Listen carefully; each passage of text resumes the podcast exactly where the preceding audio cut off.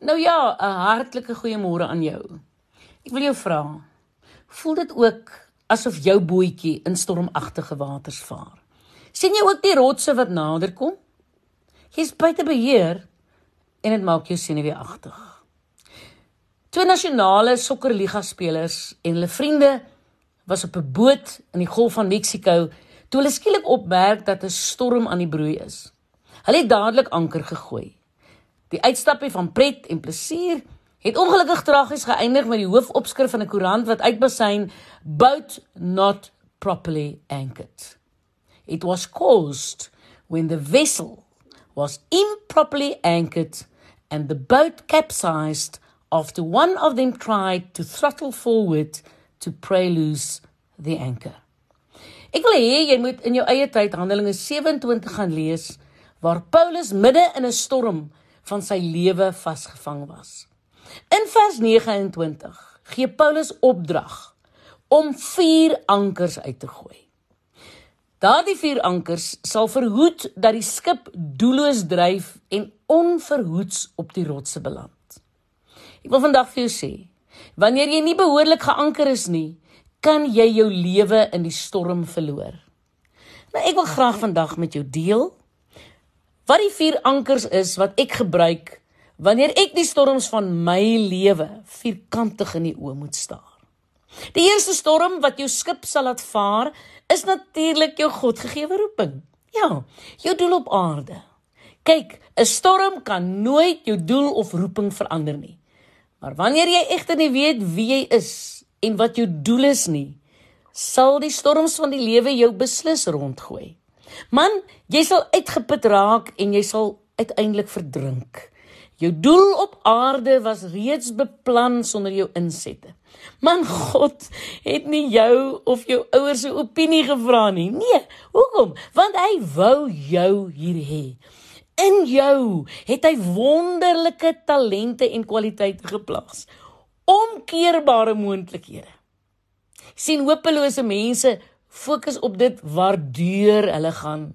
Mense met 'n doel en 'n roeping fokus op waarheen hulle op pad is.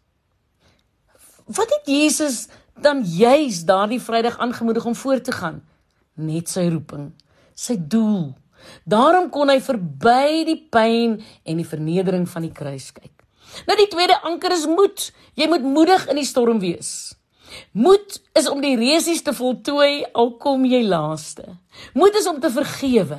Moed is om op te staan teen jou dogter of seun wanneer hulle die cool ou of mooi poppie wil date, maar jy, jy weet diep in jou hart dat dit 'n gevaarlike en 'n vernietigende verhouding is.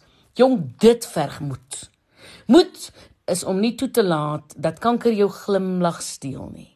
Jy gaan vir jou chemoterapie met ongekende moed en 'n gesindheid wat skree: God is nog nie met my klaar nie. Moed is om telkens te probeer en verbeter vas te klou aan jou droom. Die derde anker is aanbidding. Ons aanbid Jesus omdat hy die kaptein van die stormagtige see is. Aanbidding is God se adres, jong. Wanneer jy begin aanbid, daag God op. Lig gerus jou hande in die lig as jy so voel. Maak jou mond oop. Rig jou gebroke hart en bring jou verwoestende gedagtes voor God en begin hom aanbid.